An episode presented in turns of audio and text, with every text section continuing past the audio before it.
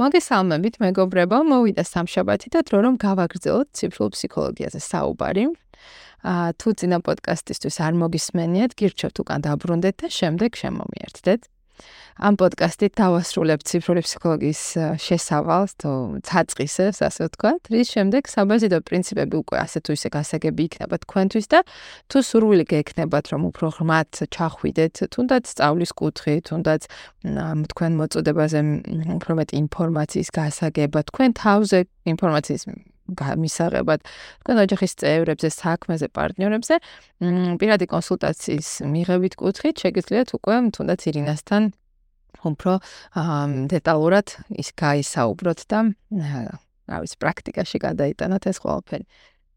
ა სასაცილო ძინა პოდკასტის მოსმენის მერე ბევრმა ადამიანმა მომწერა რომ ფაქტიურად კალკულატორებით დავდივართ შენი პოდკასტის მერე მე სიამონეს რა თქმა უნდა თუ გამოგადგათ ეს ცოდნა.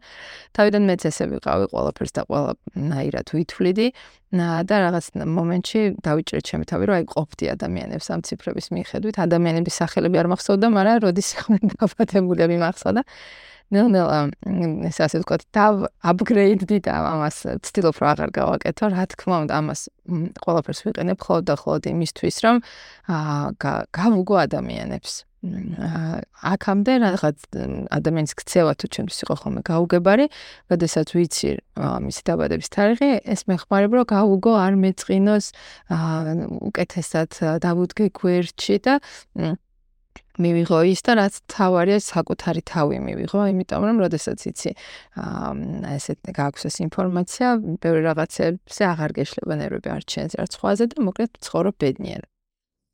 აგახსოვთ რომ წინა შეხვედრაზე ჩვენ დავითვალეთ ორი ციფრი, განვიხილეთ პირველი, ახლა კი დროა ვისაუბროთ მეორე ციფრზე, რომელიც მხოლოდ და მხოლოდ ერთ რამაზე გვიამბობს თუ რა არის ჩვენი მისია ამ ქვეყანაზე. მისია და შესაბამისად ეს მეორე ციფრი ირთვება მაშინ, როდესაც ადამიანი ხდება 33 წლის, უბრალოდ 32 წლის და 7 თვის. და თუ ჯერ არ ხართ 33 წლის, თქვენ გმართებთ ხოლმე პირველი ციფრი და ის מחასიათებლები, რაც წინა პოდკასტში ვახსენე, ყოველგვარი შეზღუდვების გარეშე. 33 წლიდან კი გვერდთვება შეზღუდვა, ასე თუ შეიძლება ვთქვათ, იმიტომ რომ გვერდთვება ქმედება მეორე ციფრის და მისიის სახით.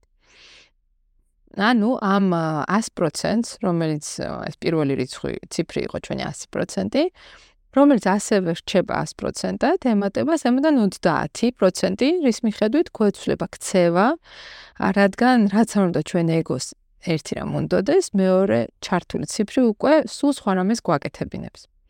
მაგალითზე რომ აგიხსნათ, მე ვარ 4-9, ჩემს სულს უნდა 4 100% არის 4-იანი და უნდა რომ აკეთოს 4, მაგრამ უნდა უბრალოდ სულს უნდა 4, მაგრამ აკეთებს ის რაც უნდა 9-ს. მეორე ციფრის მახასიათებლები იგივეა, რაც პირველი ციფრის მახასიათებლები, უბრალოდ მოქმედებს მხოლოდ 30%. ჩემ მაგალითზე მაგალითად კრეატიულ თავისუფლების მოყვარულო 4-იანს 33 წლის ასაკში ჩართოთ 9-იანი სისტემაში მუშაობის და მომსახურების ციფრი და ზუსტად მაგდროს ამოვყავით თავი ბანკში. აი, მართლა გადავითვალე თვეები არ დამეზარ 32 წლის და 7 თვის ვიყავი როცა დავიწყე მუშაობა ბანკში და იმიტომ რატომ ჩამერთო ცხრიანი რომელიც არის ზუსტად ეს რაღაც საზოგადოების მომსახურების და რომელსაც ძალიან უყვარს მუშაობა სისტემაში. აა, და საინტერესოა და ჩემი დაკვირვებით რაც უფრო განსხვავებული ციფრებია, თავისი მისიით, თავისი აზრი შინაარსობრივად, რა ზოგი უფრო მატერიალური, ზოგი ნაკლებად მატერიალური, მით უფრო იგრძნობა ეს გადასვლა. ადამიანები ამბობენ, რომ ამ ასაკში ცხოვრებას იცვლიან სრულად და ფაქტობრივად არ შემხვედრი არავინ, ვიცით ყო და რომ შვიდად გადააგო რა ეგ ასაკი. იმიტომ რომ სულაც რომ ორივე ციფრი ერთი და იგივე კონდეთ, მაინც არის სხვაობა, რადგან მისიის დადგომისთანავე ასევე ირთვება ჩვენი სფერო, რომელიც ასევე დანომრილია. თუმცა სფეროზე მე დღეს არ მოგიყვებით, ეს უკვე რაღაც უფრო მართლა ღრმა ანალიზის და შესწავლის ამბავია და არ ერთი პოდკასტის, მაგრამ ამით მინდა ვაჩვენო, ჩემო მეგობარმა ერთად ერთხელ მითხრა, რომ აი იქაც რო ამქონდა, აქაც როა და რა არის არასაინტერესო არის ორივე ერთი და იგივე. მაგრამ რეალურად მას კიდე ერთი დამატებითი ციფრი აქვს ჩართული, ამიტომ ის როა განსხვავდება ამ ამ რისგან და მაინც რაღაცა სხვას გაკეთებინებს და ამიტომ რა თქმა უნდა ყოველთვის საინტერესოა რომელი ციფრი რა როგორ არის ჩართული. აა იმედია მოასწარით საკუთარი ციფრების ამ კუთხით გაანალიზება. აა მე კი გავაგრძელებ და ვისაუბრებ მიზანზე და მისიაზე. გახსენებთ საუბარია მეორე ციფრზე, რომელიც დავითვალეთ სრული დაბადების დღის ციფრებით ჯამით. მაგალითად, ჩემი დაბადების დღე 3.08.1986, შესაბამისად 1 + 3 + 8 + 1 9.6 ჯამში კიდე დაჯამებული არის 9-იანი. აა მოკლედ მეორე ციფრი გვახსოვს როგორ დავითვალეთ. ახლა ძალიან მნიშვნელოვან სიას ამოვიხავ ესეც ირინას ლექციებიდან. რა არის თქვენი მისია ამ ციფრების მიხედვით? პირველი ერთიანი თუ გაქვთ მისია, ეს არის მართვის მისია. ორიანი არის შემოქმედებითი ფსიქოლოგიის მისია. სამიანი არის ანალიზის მისია. ოთხიანი ცოდნის გადაცემის და ფარული მართვის მისია. აა ხუთიანი არის ბრძოლის მისია. სხვათა შორის თან გავიხსენებ ხოლმე მაგალითებს, მაგალითად ჰიტლერის მისია იყო ხუთიანი. და ცხოვრის ბოლოს თუ გახსოვთ, ციგნიც აქვს დაწერილი Kampf ესე ქვია. ჩემი ბრძოლა. ძალიან სიმბოლურია. ექვსიანი არის შემოქმედების მისია. აა შვიდიანი იოგის და კრიზისის მისია. რუიანი დაუღალავი შრომის, აა ისეთი შრომის რომ ამბობენ ხოლმე რომ დაქორწინებულია შრომაზე და შეიძლება ხანდახან ოჯახიც არ ყავდეს ადამიანს, ვისაც რო აქ მისიაში და ცხრიანი არის საზოგადოების მსახურების მისია. ანუ ეს არის ის 9 მისია, რითიც ადამიანი, რომელიც ადამიანს ერთვება, როცა ხდება 33 წლის. აქვე ვიტყვი მიზნებზე, აა, იმიტომ რომ მისია ერთია და კიდე რა მიზნები აქვს ამ მეორე ციფრებს. ერთიანი, სამიანი და რვიანი არის მატერიალური მიზანი. ორიანი, ოთხიანი, ცხრიანი არის მორალური კარმული ურთიერთობა, არამატერიალური. ხუთიანი არის ბიზნეს კომუნიკაცია, შვიდიანი სულიერი კომუნიკაცია, ექვსიანი სიამოვნება. ანუ თუ თქვენ გაანალიზებთ წინა პოდკასტში, რაც ვილაპარაკე და ეხლა რაც მოუყვები, ძალიან ლოგიკური ბმა არის ამ ყველაფერში და ამ ერთ და იგივე ციფრებს აი სხვადასხვა მხრიდან შეიძლება დავინახოთ საერთო და სხვადასხვანაირად მოქმედებს, მაგრამ ჯამში მეც ერთ და იგივეზე გელაპარაკებ. ძალიან საინტერესო ამ ცოდნის შემდეგ იმის გააზრება თუ რამდენად მიყვები შენ მოწოდებას. აა ჩემი მაგალითზე რო ისე ვილაპარაკო, რადგან მაგალითი გვეხმარება რაღაც ადვილად გავიგოთ რაღაცები. 4-9 ჩემი ციფრები არის კრეატივი 4-9 საზოგადოების სახურება. ჩემი აზრით კრეატივის კუთხით მიუყვები, იმიტომ რომ მაქვს ბევრი იდეა თავში, ანუ ყველა ჩემ პროექტში სადაც მუშაობ, სულ რაღაცას ვიგონებ და მართლა არ მჭირდება. საერთოდ არ მჭირდება არაფრის მოფიქრება, თავისით მომდის ეს იდეები თავში დაძაბვის garaშე.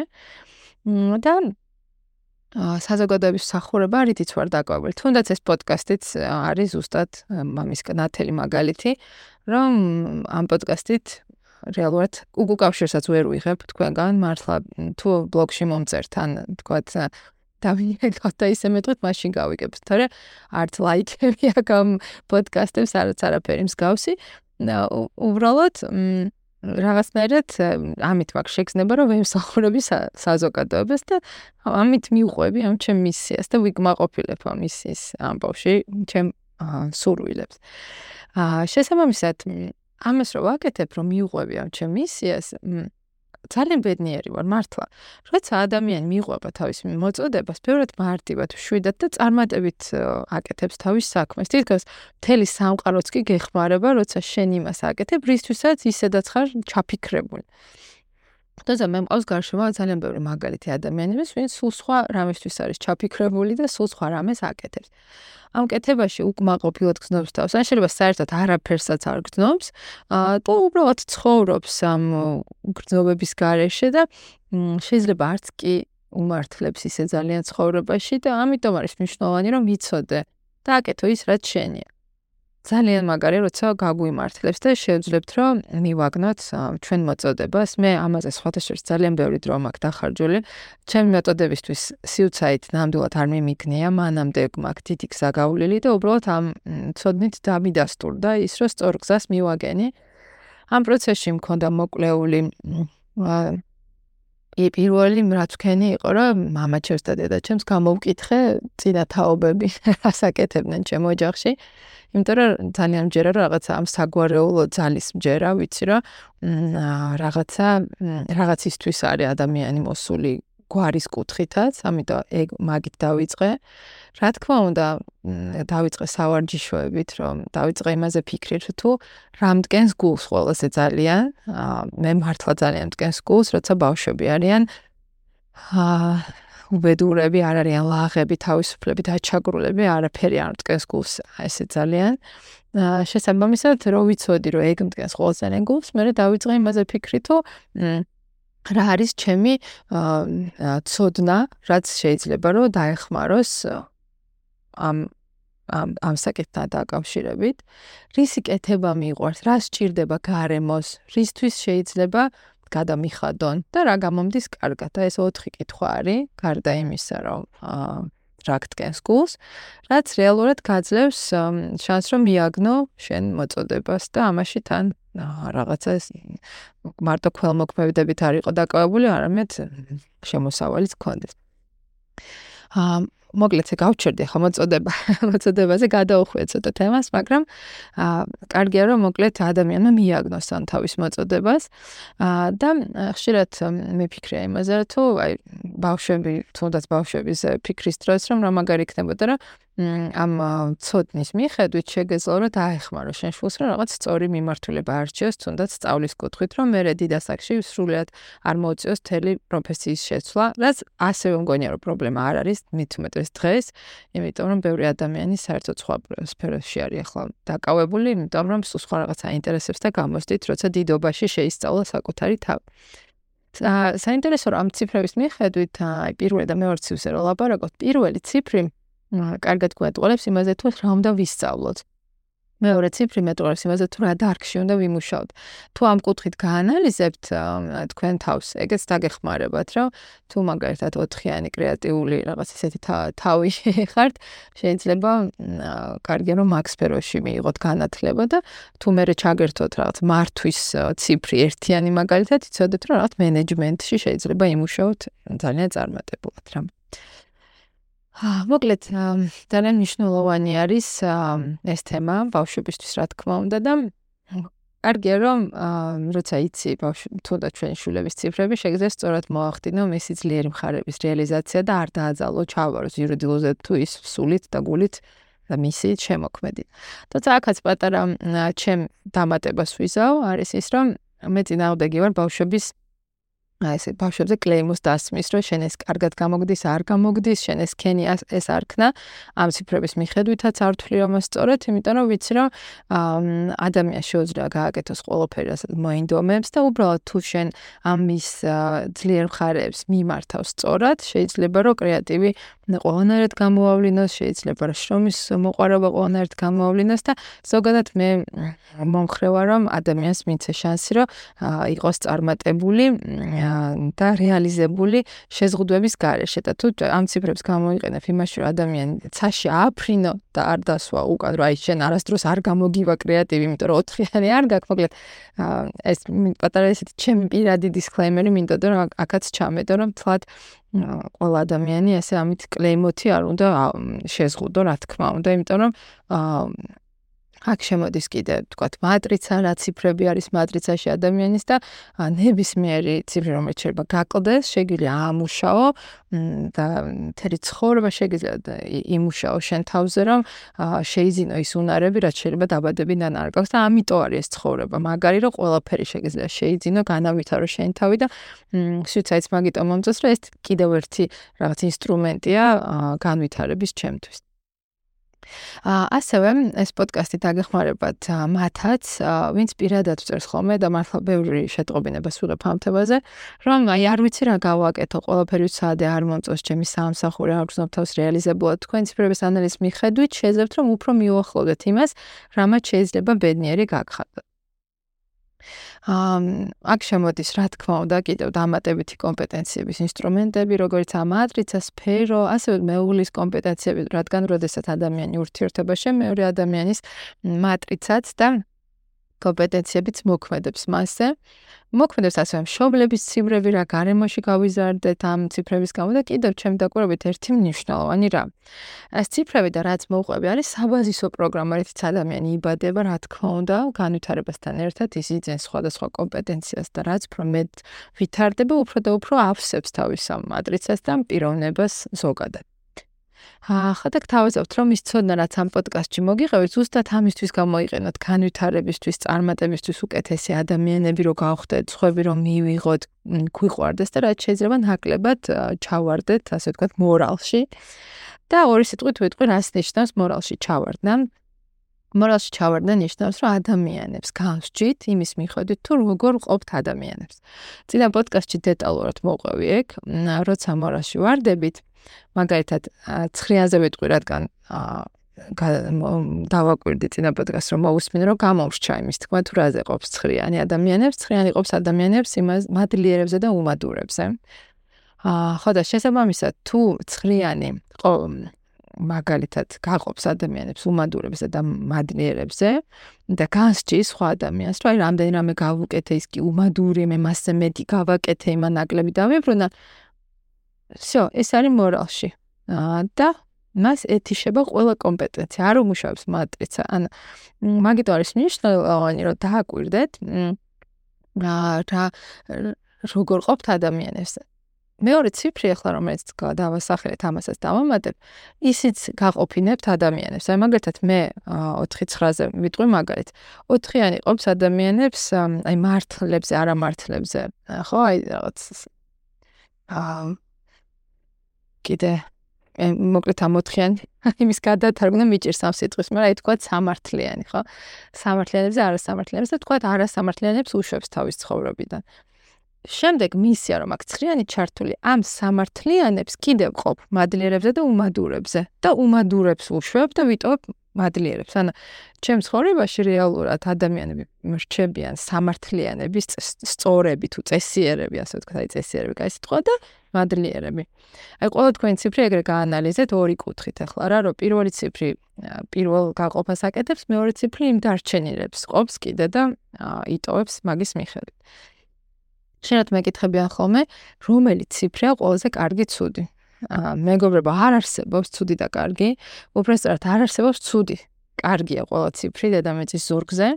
სხვადასხვა ციფრის თვისება შეიძლება სხვადასხვა ციფრის პატრონს ატრიგერებდეს და თუ ამაში რამე, ასე ვთქვათ, პატერნი დაიჭირეთ, იცოდეთ, რომ ასეთი ტრიგერები მხოლოდ და მხოლოდ თქვენი ზდის წერტილებია.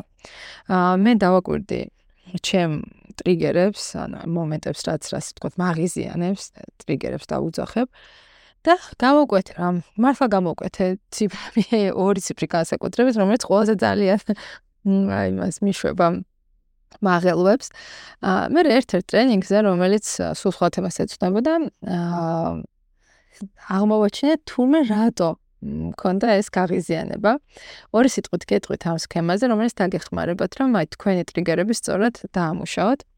მაგალითად მე როგორც ოთხიანს, მაგ ეს ტრიგერი რომ სამართლიანი ყოფილი, მიყვარს სამართლიანი. უნდა დავწეროთ, ანუ გავყოთ ფურცელი 4-ად, 4 ნაწილად და მარცხნა კუთხეში წერთ სამართლიანი პირობით. მაგის მარჯვენა კუთხეში უნდა დავწეროთ ყველაზე ექსტრემალური განვითარება სამართლიანობის, რა შეიძლება იყოს? აი, ყველაზე ექსტრემში სამართლიანი არის სასტიკი პირობითად. იყო ყველაზე ცუდ ვერსიაში რა არის სასტიკი? შემდეგ სასტიკის ქვემოთ უნდა დავწეროთ რა დაეხმარება სამართლიან ადამიანს რომ არ გახდეს სასტიკი. ანუ ჩემ შემთხვევაში რაც დავწერე იყო ის რომ რაღაცა ემპათიური უნდა იყოს ადამიანი, რომ კი სამართლიან რომ არ გახდეს სასტიკი, უნდა ადამიანების სიყვარული ქონდეს, ემპათია ქონდეს.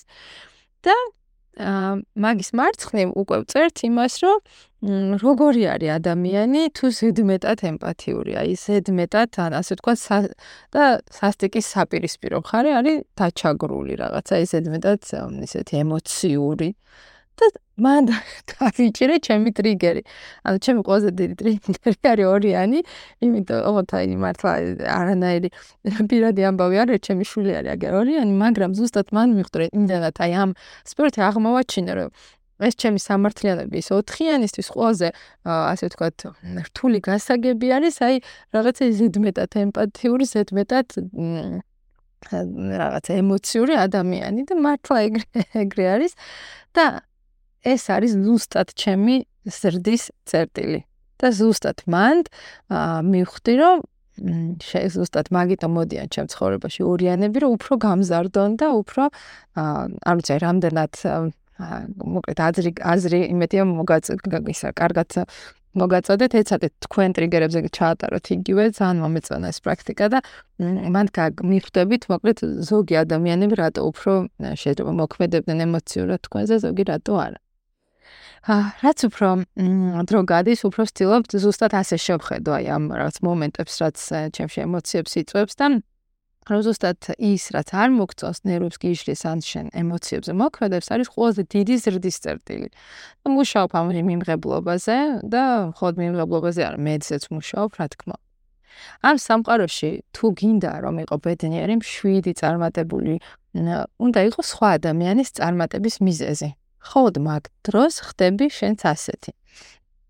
მოდი ერთხელაც ვიტყვი ამ ფრაზას, იმიტომ რომ თქოს იმსახურებს უფრო განცალკევებულად რომ ითქვას ამ სამყაროში თუ გინდა რომ იყო ბედნიერი, შვიდი, წარმატებული, უნდა იყოს სხვა ადამიანის წარმატების მიზეზი. ხო, მაგ დროს ხდები შენც ასეთი. რა სასწაული ადგილი იქნება ჩვენი სამყარო თუ ადამიანები ასე მოვიქცევით? და კიდე წარმოედგინეთ თუ ყველა ჩვენთაგანს ამ ციფრების მიხედვით ეცოდინება თავის ძლიერი და სამუშაო მხარეები, თავისი მისია, რისთვის არის დაბადებული. შეხედავ პირველ ციფრს, მაგის მიხედვით არჩევს განათლებას, მეორე ციფრის შესაძლებელად არჩევს პროფესიას. იქნება სრულად რეალიზებული ბედნიერი. ეგეთ მდგომარეობაში მისი ბედნიერება გავრცელდება თავის ოჯახზე, შვილებზე, მეგობრებზე, თანამშრომლებზე და ეს ბედნიერება გამრავლდება, გაიზრდება და სამყაროში გავრცელდება. ზუსტად ამიტომ გამიტაცა ციფრულ ფსიქოლოგიამ, ზუსტად ამიტომ მომინდა რომ ჩამეწერა ეს პოდკასტი და მე ვისაც მოგეწონებოდათ ეს პოდკასტი, გაგეზიარებინათ სხვებისთვის. ამით ეგოისტურად, როგორც უკვე გითხარით, შეიძლება საბოლოო ჯამში არ თუ ის ეგოისტურად, მაგრამ მაინც მინდა ჩემი მისიის წინ წაწევა, რაც დღეს სუსტად ვიცი უკვე რა არის. საზოგადოებაში უფრო მეტი ბედნიერი ადამიანის ყოფნა არის ჩემი მისია. აგრესიის შემცირება და ჯანსაღი თაობების გაზრდა. გკოცნით ყველას და მადლობა რომ მომისმინეთ.